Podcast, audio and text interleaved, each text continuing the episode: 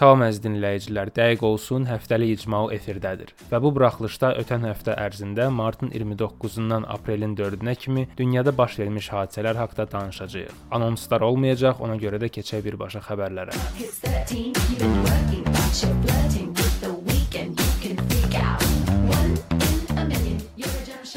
İran Çin ilə əlaqələri genişləndirmək üçün 25 illik bir müqavilə imzaladı. İranın Xarici İşlər naziri Məhəmməd Cavad Zərif və onun Çinli həmkarı Wang Yi müqaviləni şənbə günü imzaladılar. Layihə enerji, neft və nüvə enerjisindən yüksək texnoloji və hərbi sektorlara qədər sahələrdə iş birliyini və İranın Çinin kəmər və yol təşəbbüsündə rolunu təbliğ etmək üçün dənizçilik layihələrini əhatə edir. Çin Xarici İşlər naziri çərşənbə günündən bəri bir həftəlik regional turda olub. Səudiyyə Ərəbistanı, Türkiyə və İranı ziyarət edib, buradan Birləşmiş Ərəb Əmirliklərinə, Oman və Bəhreynə davam edəcək.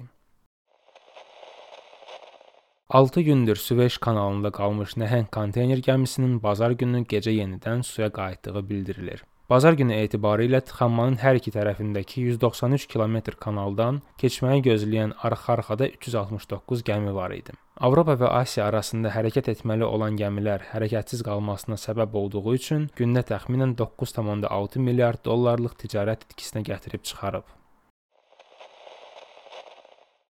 COVID-19 virusunun əsl mənşəyi heç vaxt tapılmaya da bilər. Beynəlxalq mütəxəssis qrupu 27 gün ərzində Wuhanda ipucu axtarıb xəstəxanalara, canlı heyvan bazarlarını və dövlət laboratoriyalarını baş çəkib, müsahibələr aparıb və məlumat üçün Çin rəsmilərinə təzyiq ediblər. Lakin dünyada 2.8 milyon insanın ölümünə səbəb olan virusun mənşəyini hələ də tapa bilməyiblər. Çərşənbə axşamı rəsmi olaraq yayımlanacaq, lakin bazar ertəsi mətbuata sızan Dünya Səhiyyə Təşkilatı və Çinin birgə sorğusunun 124 səhifəlik hesabatında yeni detallar var, lakin dəqiq səbəblər yoxdur. Nyu-Yorkun qubernatoru Andrew Cuomo çərşənbə günü marixuana satışını və saxlanılmasını tənzimləyən qanun imzaladı. Bununla Nyu-York yetkinlərə marixuana istifadəsini qanuniləşdirən 15-ci ştat oldu. Qanun layihəsi 24 qramlıq anaşıya sahib olmağı leqallaşdırır. 21 yaşdan böyük şəxslərə isə satmaq icazəsi verir. Yeni qanunda bu haqqda keçmiş məhkumluqları ləğv etmək üçün müddəalar da var.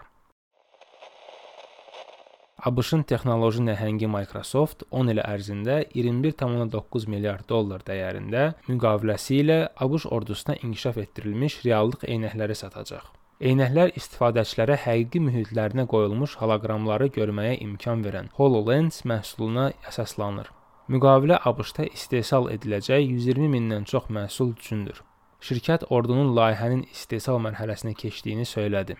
Bir bloq yazısında Microsoft eynəklərinin əskərləri daha təhlükəsiz saxlayacağını və daha təsirli hala gətirəcəyini deyilir. Pfizer peyvəndinin COVID-19-a qarşı 6 aydan sonra da təsirli olmağa davam edəcəyini deyir. Pfizer və alman partnyoru BioNTech 44 mindən çox könüllü üzərində davam edən araşdırmaların son mərhələsinin nəticələrini cümə axşamı elan etdilər. Şirkətlər peyvəndin xəstəliyin simptomlarına qarşı 91% təsirli olduğunu və xəstəliyin ağır hala gəlməsinin qarşısını almaqda daha effektli olduğunu qeyd etdilər. Bu həftə şirkətlər 2260 ABŞ könüllüləri arasında aparılan bir araşdırmaya əsaslanaraq 12 yaşdan kiçik uşaqlara da peyvəndin təhlükəsiz və güclü qoruyucu olduğunu söylədi.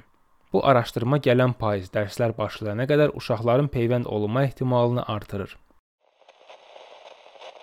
Ağıllı telefon istehsalçısı Xiaomi şirkətin çərşənbə axşamı yaxın 10 ildə elektrikli avtomobillər istehsalına təxminən 10 milyard dollar sərmayə yatırmağı planlaşdırdığını söylədi. Şirkətin sahibi Lei Xiaomi-nin planını son böyük başlanğıc layihəsi olaraq xarakterizə etdiyi, bu işi özünü də iştirak etdiyi bir törəmə şirkəti vasitəsilə davam etdirəcəyini söylədi.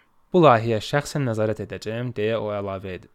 Bütün dünyada hər yolda bir Xiaomi avtomobilinin olduğu gələcəyi səbirsizliklə gözləyirəm.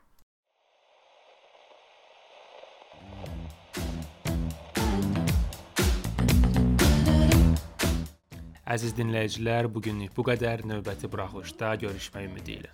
Sağ olun. 13, you've been working, but you're flirting